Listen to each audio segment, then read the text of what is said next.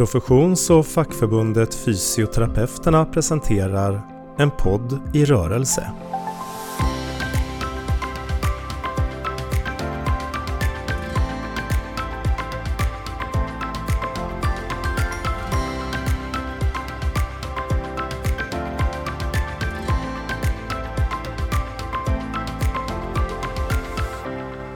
Idag ska vi prata om rehabskulden. Och då har jag glädjen att ha statssekreterare Maja Fjästad eh, som gäst här i en podd i rörelse. Välkommen hit Maja! Tack snälla Stefan! Hur mår du idag då? Eh, tack för frågan. Jag, eh, eh, jag mår bra. Jag har eh, lyckats eh, ramla i trappan och bryta ett ben i mellanfoten. Så jag är lite, lite gipsad. Men i övrigt så mår jag bra. Men liksom, vilken början på podden. Alltså, det, du vet att du är hos fysioterapeuternas podd. Ja, det känns tryggt. Man känner så här, belasta inte vården var den enda in, instruktion man hade just nu. Och så drötte man i trappan och belasta vården. Så att jag, jag, jag är lite skamsen över men det var inte mycket att göra åt faktiskt. Olyckshändelse eller? Ja, jag gick och kollade i min mobiltelefon när jag gick ner för trappan. Oh, det vill jag gärna varna allmänheten nej. för att göra. Det var en dålig idé. Ja, okej, okay, det här handlar ju lite om vad vi lär oss av våra misstag. Så, där, så att, eh, ja. Men eh, vi hoppas att du, får, eh, att du repar dig då, att du är på god väg ja, tillbaka. Tack snälla. Jag tror att det ska läka snabbt. Mm. Maja Fjästad, vem är du? Och vad gör en statssekreterare?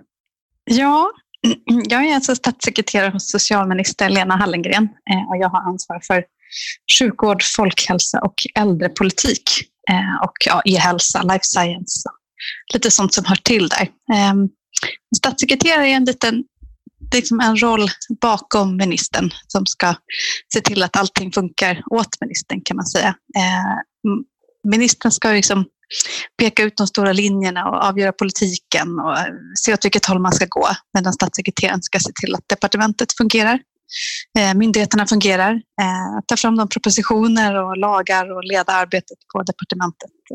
Så det är en ganska operativ roll. Eh, är det. Och ganska, det är mycket policy och mycket politik. Otroligt spännande och väldigt svårt jobb. Mm. När jag började som förbundsordförande så hade jag inte riktigt koll på de här ordningarna i systemet och i, på departementen. Men det du beskriver är egentligen att du är du är inte departementschef, men det är du som i stora drag leder arbetet på socialdepartementet. Ja, statsråd är inte anställda. De är liksom utsedda av, eh, stats, eh, alltså av statsministern. Medan statssekreteraren är den högsta anställda tjänstemannen. Så det är ju jag som är, så att säga, är chef över enhetschefer och även över myndighetschefer. Medan mm. statsrådet är då mer en, en eh, förtroendeperson. Mm. Men för den som inte är så insatt, du är politiskt tillsatt? Du är politiker, ja, det stämmer. partipolitiker. Mm. Jag får, får sparken om min minister slutar. Så är det. Ja, det var ju en vändning på det hela. Eh, det här med eh, rehabskulden, alltså den senaste tiden i samband med covid-19. Du och jag träffades ju för, jag tror det var drygt tre månader sedan. En, ja, det var början av mars. Det känns konstigt att vi sågs ja, på riktigt. Social hållbarhet. Ja vi sågs på riktigt. Och då hade du suttit en hel dag, i, om jag inte missminner mig, i ett övningsscenario i, i någon bunker. Ja, det stämmer. Vi var precis i början på, insåg att det var en stor kris på väg. Eh, ja, men det var på var den tiden man fortfarande sågs. Ja, det tycker jag. Jag tycker att vi var jag tror aldrig man kan vara riktigt förberedd för den här typen av, av utvecklingar eller händelseutvecklingar. Men mm. jag tror att vi hade gjort väldigt mycket av de förberedelser man kan göra ändå i form av beredskap i beslutsorgan etc. Mm. Men när det började det här, då var vi ju i princip alla oförberedda och då var det ju i början väldigt mycket fokus på det akuta och på intensivvårdsplatser och på dödlighet. Och, ja, det är det ju fortfarande, men, men det är väldigt, väldigt hög, högt fokus på det akuta. Eh, men redan då, vi som jobbar med rehabilitering, även om man inte går och bryter foten hela tiden, så om man är van vid rehabilitering, så vet man ju att det kommer en tid för rehabilitering efter det akuta. Så vi flaggade ju för det här att det, det kommer att komma en växa ett berg av rehabilitering. Fast vi visste kanske inte riktigt hur mycket det skulle växa, men nu vet vi ju att det har vuxit jättemycket. Och då har vi, från fysioterapeuterna så har vi ju redan innan lyft det med rehabilitering ganska länge och påpekat att rehabilitering är eftersatt. Det finns en ojämlikhet i rehabiliteringen från början. Eh, om man är till exempel hjärtinfarktpatient i Landskrona så får 5% tillgång till hjärtrehabilitering med hjälp av fysioterapeut, medan i Sollefteå så är det 80 Och det är bara liksom en, litet, en liten extrakt från hur ojämlikhet i vardagen ter sig. Och det här var innan covid-19. Men nu så har vi ju då ett enormt växande behov av eh, rehabilitering efter covid-19, men också de patienter som inte har fått komma till. Jag läste eh, häromveckan att det var 44 000 patienter som, som eh, har fått sina operationer inställda och att det ökar med tusentals för varje vecka. Och det innebär att över 150 000 människor totalt sett står i operationskö. Det känns sådär svårt att omfatta. Alltså, vad tänker du när du, när du hör det här med rehabskulden och har regeringen några planer på vad ska man göra? Det är ju, ju otroligt stor fråga tänker jag och jag tänker att just om vi börjar med rehabilitering efter covid så tänker jag att det här kommer ju liksom vara nästa stora fråga. Precis som du beskriver så började vi någonstans i intensivvården och smittspridningen och hindra smitta. Men ju mer man lär sig om det här viruset, ju mer lär man sig, tänker jag, hur otroligt stor skada det gör i kroppen på människor. Även de som inte hamnar i intensivvård får ibland fruktansvärda skador och liksom skador av den, den immunologiska responsen. Jag har, har flera vänner som har haft covid och, och mår otroligt dåligt efter många, många veckor. Jag har ställt frågan någon gång till eh, Folkhälsomyndighetens generaldirektör som, som beskriver viruset som att det är så som att det är så främmande för människokroppen. Att det liksom inte alls är ett humant virus som gör att det gör den här typen av otroligt stora skador, neurologiska skador. Eh, många beskriver som att covid kan ha nästan alla symptom som finns. Eh, det är ett otroligt skrämmande virus och de här de här väldigt skrämmande liksom, efterverkningarna av viruset drabbar ju en väldigt bred eh, grupp av befolkningen. Eh, medan man ser då att eh, dödligheten är högre än äldre högre åldersgrupperna så ser man att de här skadorna efter viruset drabbar väldigt många. Och den, den svåra situationen är också att vi vet väldigt lite om bästa rehabiliteringen här. Det är liksom en, en enorm kunskapsinhämtning som vi behöver göra. Och det här är förstås något vi har diskuterat med Socialstyrelsen som har tagit fram ett, ett eh, kunskapsstöd kring rehabilitering av covid-patienter som kommer att behöva byggas upp allt eftersom. Och de här liksom skadorna av covid kommer vi att leva med i många, många år framöver i, i de skador som covid har satt i människors kroppar. Så tycker jag också, precis som du beskriver, den här enorma vårdskulden som vi har. Vi hade långa vårdköer i Sverige redan innan covid-19 eh, och nu har eh, många regioner stängt in all eh, planerad vård eller all som inte var eh, helt akut. Och eh, om man pratar med akutsjukvården så beskriver de ju också att många patienter bara försvunnit. Liksom. Personer med, med svåra symptom söker inte vård, vilket ju också är enormt skrämmande och kommer också leda till en mm. överdödlighet. Det är otroligt viktigt att cancerbehandling etc. fortsätter och att inte människor blir rädda. Rädda för att söka vård, tänker jag. Och den vårdskulden behöver vi ju jobba med långt, långt framöver. Det är ju både där ser jag att både behöver vara ett starkt statligt ansvar ihop med regionerna att se till att vi betar av den här vårdskulden. Det som är möjligen, om man ska se någon ljusning här, jag tycker att det är en väldigt mörk verklighet i hälso och sjukvården. Väldigt mycket liksom, svåra frågor behöver brottas med lång tid framöver. Men om man ska se någon ljusning så är det att väldigt många människor söker sig till vården. Människor med legitimation som jobbat utanför vården söker sig tillbaka. Unga människor söker vårdutbildningar. Så jag vet inte om man möjligen kan, kan våga hoppas på, liksom att, att attrahera ännu fler människor att jobba i de viktiga vårdyrkena. Mm. För, för oss som jobbar inom rehabilitering så mm, vi, vi är ganska vana vid att eh, alltså fokus har ju sedan väldigt lång tid varit på att, eh, att eh, alltså rädda liv och att eh, mäta sjuklighet, dödlighet. Men det är inte så att vi under lång tid har mätt eh, funktionsförmågan hos människor, alltså det vill säga det liv som har räddats, hur blir det livet? Det kanske, från mitt perspektiv, så är det kanske att det blir en blixtbelysning på det här nu då. Eh, även om det här har funnits redan innan. Som jag nämnde, hjärtinfarkt, det gäller just strokepatienter, det gäller väldigt många som, som faktiskt har rätt till rehabilitering, men där det skiftar väldigt mycket. Och nu blir det här blixtbelyst då därför att Nu är det väldigt stort behov av rehabilitering och det kommer att visa sig väldigt tydligt. Så det jag funderar på, eh, det pratas mycket om vem har ansvaret, men vad kommer staten att göra? Vem, vad kommer staten och regionerna och kommunerna att klara av det här? Och, vad, vad tror du? Hur, vilken beredskap finns? Men jag tänker att du, du pratar om ojämlikheten i rehabilitering och vi pratar mm. också men både om ojämlikheten i vården. Hur kan vi ha en regionaliserad sjukvård men ändå ha en jämlik sjukvård? Det är någonstans den frågan vi brottats med varje dag mm. Eh, under hela det här året. Men det är klart mm. att vi också brottas med frågan om, om liksom rehabilitering och också folkhälsa, tänker jag ju. Det här är ju verkligen en sjukdom som drabbar svaga grupper, grupper som redan hade en sämre folkhälsa. Vi ser enormt stora skillnader i, i grundläggande hälsa på olika delar av befolkningen.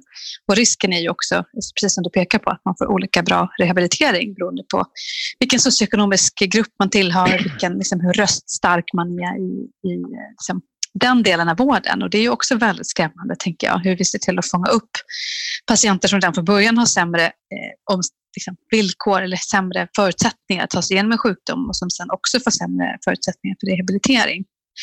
Men sen tänker jag också att det, det är ju förmåg, det gäller ju att vi både har en, en jämlik med regionaliserad sjukvård och en jämlik med regionaliserad eh, rehabilitering. Eh, och där har vi ju förstås statliga kunskapsmyndigheter men också den här kunskapsstyrningsprojekten, som, eller kunskapsstyrningen som vi arbetar med att mm. införa, där vi ska ha en där vi har starka och duktiga professioner eh, i Sverige och där professionerna eh, får vara våra, våra liksom, vägledningsstjärnor i hur vi kan ha en jämlik och kunskapsstyrd mm. vård och även eftervård. Alltså jag, jag har respekt för det förstås och även för kunskapsstyrningsarbetet. Eh, sen grejen är ju att om man nu har kommit fram till en del i kunskapsstyrningsarbetet, det är ju till exempel det här som jag, de här siffrorna jag hänvisade till när det gäller hjärtrehabilitering. Det är ju en del i, det finns ett kvalitetsregister som heter Swedheart och, och eh, de siffrorna har ju funnits i flera år. Så grejen är, hur ska man kunna rätta till de här delarna? Och det var ju som sagt innan covid. Så därför jag är av den uppfattningen att man behöver rikta särskilt fokus nu på det här. För att jag har lärt mig sedan länge att varje system är perfekt utformat för att ge det resultat som det ger. Och vi är ju rätt vana vid att fokusera just på akutvård och dödlighet och sjukdom. Jag tror att man måste flytta fokus nu till eh, funktionsförmåga, hur blir det liv som ska levas? Och det är det jag är intresserad av också. Hur, eh, hur ska det gå till? Kommer det att vara staten? Vilken roll har staten och vilken roll ska respektive region eller kommun ha. Eh, jag, jag, tror att det spelar stor roll hur man frågar efter från ledningen. Hur är det på socialdepartementet? Vilk, var, var, ligger rehabiliteringen i, i nivå på frågorna och så vidare? Men jag tror att du har rätt. Jag tror att det, det handlar liksom om flera olika delar. Dels handlar det förstås om, jag tänker att staten har ett väldigt tydligt ansvar för ett, ett nationellt intresse förstås med jämlik hälsa. Det är ett nationellt intresse med en effektiv rehabilitering. Jag tänker att det det handlar ju, även om det, liksom, de statliga stöden till hälso och sjukvård är otroligt små om man jämför med de regionala budgeterna, så ser vi ofta att det finns en väldigt god styreffekt i de incitament som vi sätter dit. Det är därför vi, vi jobbar väldigt mycket med de här eh, olika algoritmerna som, som utgör våra, våra överenskommelser med SKR eller våra olika typer av statliga stöd. Eh, vi har ju petat enormt mycket i den här, eh, vår kömiljard som sen som blir sen nycklade ut eftersom vi inte bedömde att det var rimligt riktigt för regionen att arbeta med, en kömiljard just nu. Men tanken att vi ska ha en styrning som, är, som, inte, är, som inte blir byråkratisk, som inte blir liksom, att man eh, hittar på egna köer för att få statliga bidrag, men som styr åt rätt håll. Alltså hur kan man stödja återbesök exempelvis, Det var någonting vi tittade mycket på när vi konstruerade den här nya kömiljarden. Den förra kömiljarden hade en tendens att, att ge incitament för regionerna eh, att göra första besöket. Och här såg vi att det var en väldigt stor styreffekt. Det som blir lite läskigt, en miljard är ju ingenting i regionernas budgetar, men det kan ändå få ganska stor styreffekt. Där behöver vi se till att återbesök är en viktig del. Primärvården är en viktig del. Det kan inte bara alltså pengar på tillgänglighet i sjukhusvården när vi vill ha en stärkt primärvård. Och den typen av konstruktioner eh, ägnar vi ju mycket hjärnkraft åt och hoppas att de styr rätt. Sen får vi ju löpande feedback på att en hel del inte styr rätt, både från de här mm. de registren som du nämner och de årliga utvärderingarna. Men en hel del saker styr också rätt. Jag har eh, varit med om ett rätt så bra exempel, tänker jag. Det var när jag för länge sedan arbetade i i det som heter landstinget i Kalmar län, då, Region Kalmar län, där man hade eh, man, varje styrelsemöte, landstingsstyrelse då, började med att man redovisade kvalitetsresultat. Det kom sig egentligen av eh, en fråga, hur länge ska patienterna behöva vänta? Därför att vi vet ju att varje år så skadas oavsiktligt eh, 100 000 människor i, i vården genom förutsägbara misstag som vi vet. Det, och det är också tusentals människor som, som dör av de här vårdskadorna. Och då ställde vi frågan, hur länge ska patienterna behöva vänta? Och det, det hjälpte till att fokusera så att de här frågorna flyttade sig upp. Så man började varje styrelsemöte med att redovisa de här kvalitetsresultaten. Och jag tror att det är en av de bidragande orsakerna till att den regionen har haft hyggliga siffror i tillgänglighet och patientsäkerhet och så. Jag skulle gärna vilja se att eh, varje region och varje kommun och förstås även varje departement och så vidare redovisade den här viktiga siffran när det gäller redovisning. Jag ser framför mig att, du vet, som ni, lika bra som ni gör det här med presskonferenserna, att flera myndigheter står på samma scen tillsammans med ministern ibland. Då skulle jag vilja se i, om ett halvår här följa upp. Hur går det med rehabiliteringen? Vad har hänt? Diagram för diagram. Vad tror du om den idén?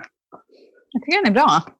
Men jag tror på uppföljning. Det, ju, det, kan ju alltid verka byråkratiskt med de här kvalitetsregistren och de öppna jämförelserna som du tar in. Jag tror att de är otroligt eh, viktiga för regionerna själva också för att utvärdera sin egen verksamhet. Kan man göra det bättre? Jag tror ju också på, på jag kommer från akademin, eh, jag tror ju mycket på de här liksom peer review systemen. Mm. Att man, mm. eh, som hur man utvärderar lärosäten, akademiska eh, institutioner. Att man åker runt till varandra och ger varandra goda råd. De bästa råden får man från andra i samma profession, från andra i samma situation. Där tror jag liksom det interprofessionella lärandet, regionstyrande, kan bli väldigt mycket bättre. Alltså hur, hur skapar vi system för lärande mellan regioner kring både tillgänglighet mm. och eh, rehab? Det är någonting mm. jag funderar på. Mm, vad, kan, eh, vad kan du som statssekreterare och Eh, vad kan ni bidra med i det läget? Men vi, har, vi har lite idéer som vi ska hitta på, men jag tror att vi behöver både, både skapa, men, skapa system för eh, hur, hur man har alltså den här typen av, av peer learning, eh, skapa system för återkoppling på kvalitetsregistren. Jag tänker att vi har ju ett viktigt verktyg som staten har i IVO, Inspektionen för vård och omsorg, mm. som ju har som uppgift att inte bara, liksom, inte bara slå ner eller inte bara inspektera utan också ge uppföljande, alltså följa upp, se till att det utvecklas, se till att verksamheten blir bättre, se till att det blir liksom en, en, eh, vad ska man säga, en tillsyn med tillit. Eh, jag tycker att IVOs roll är väldigt viktig. Mm. Alltså just, om jag vinklar frågan så här som jag sa med patientsäkerhet och kvalitet, hur länge ska patienterna behöva vänta på en god och jämlik rehabilitering av hög kvalitet? N när kommer satsningen? Ja, det nu. Nu ska man ha en jämlik rehabilitering. Eller? Mm. tycker inte mm. man ska behöva vänta en dag. Men med, med, eh, om man tittar just på covid-19 så har vi ju satt kostnader för covid-19 på vad vi kallar för löpande räkning. Vi har en, en förordning som ligger under Socialstyrelsen där kommuner och regioner kan söka pengar för merkostnader på grund av covid-19. Och jag föreställer mig att en hel del av de merkostnaderna kommer handla om, om rehabilitering, den här lite långsiktiga vården av covid-19-patienter och inte alls bara intensivvård. Eh, det hoppas jag ska vara en viktig ekonomisk avlyft för kommuner och regioner när man helt plötsligt får en helt ny rehabskuld. Kan du ge någon liten vink om att ni verkligen kommer att följa upp rehabiliteringen specifikt nu här med covid-19? Ja, men det hoppas jag. Men har du bra förslag på hur? Ja, självklart. Vi Finns det delar, några indikatorer gärna... du tycker vi ska följa? Ja, absolut. Så jag är ja. på riktigt intresserad. Ja, nej, men vi, vi vill gärna vara med och ta fram de indikatorerna. För mm. det är väl lite av grejen också att det finns för få indikatorer som mäter det här med funktionsförmåga. Och eh, det vet mm. jag säkert flera andra förbund som också är delaktiga i det. Eh, det, det, vi, det vill vi gärna delta i, så det, det känns konstruktivt. Det var jättespännande. Men kan mm. du inte ge mig en glimt av vad du tycker man ska mäta? Nej, men, eh, eh, eh, jag tror att man ska, man ska gå igenom det noggrant och seriöst och se vad som finns. Jag tror att man behöver sätta sig ner i, i lugn och ro och fundera på det. Eh, för det, det är ju så att i öppna jämförelser finns det ju hundratals. Jag menar faktiskt när öppna jämförelser började, då fanns det 53 indikatorer 2006 tror jag det var. Den släpptes i Almedalen. Och nu finns det jättemånga indikatorer och det är ju så pass då att då försvinner det ju lätt i mängden. Så jag tror att man måste, man måste koncentrera sig på några få och rikta uppmärksamhet på det. det Hur många indikatorer är om rehab då, i jämförelse? Det är yt, ytterst få. Om jag säger att när jag senast eh, kikade på öppna jämförelser så var det runt 170 indikatorer. Av dem är det kanske fem som handlar om rehabilitering. Mm, eh, och det, där tycker jag liksom att vi, vi behöver faktiskt eh, lyfta det ordentligt. Eh, det ligger i det här med varje system är perfekt utformat för att ge ett resultat det ger. Vi är vana vid att fråga efter just medicinska resultat, så vi behöver verkligen hjälp att lyfta rehabiliteringen på det sättet. Mm. Men eh, jag tror vi får utveckla det i en särskild podd, vilka det gör jag gärna. Det slingrar lite grann, men det får vi gärna göra. ja, ja, men jag pratar ju med en politiker, så då måste jag ju... Så, ja. Du, eh, eh, sen är det ju det här med tillgången på medarbetare. Redan, mm. eh, redan nu idag är det ju brist på fysioterapeuter, precis som brist på flera andra kategorier. Och nu ökar ju trycket på rehabilitering väldigt mycket. Så en fråga som våra, våra medlemmar ställer sig, det är liksom, hur, ska vi, hur ska vi mäkta med? Vad, vad behöver vi göra för det? Vi räcker inte till. Vi är för få. Mm. Vad kan ja, men så är det Vi har ju en enorm efterfrågan på många, alla olika professioner. Egentligen har vi ju brist på samtliga professioner i vård och omsorg i Sverige. Eh, och eh, även om man då kan vara milt hoppfull om eh, den här anstormningen av nya människor som söker sig till vården efter covid-19 så tror jag inte att man kan förlita sig på det. Eh, men det handlar ju om en kombination av många saker tycker jag. Dels att eh, liksom, sjukvården behöver vara en, en attraktiv arbetsgivare. Eh, det finns ju många legitimerade professionspersoner som inte jobbar inom vård och omsorg, som inte jobbar inom rehabilitering. Och det är förstås, många av dem gör nytta i många andra samhällssektorer, men man behöver också fråga sig varför är inte vård och omsorg tillräckligt attraktiva arbetsgivare. Vi har ju lagt en del eh, utbildningsstimulanser eh, under covid och under den här ökande arbetslösheten som vi sett just för att få eh, både ungdomar och vuxna som vill omskola sig, att söka sig till vård och omsorgsyrken. Jag tror att man kan hoppas på ett intresse där.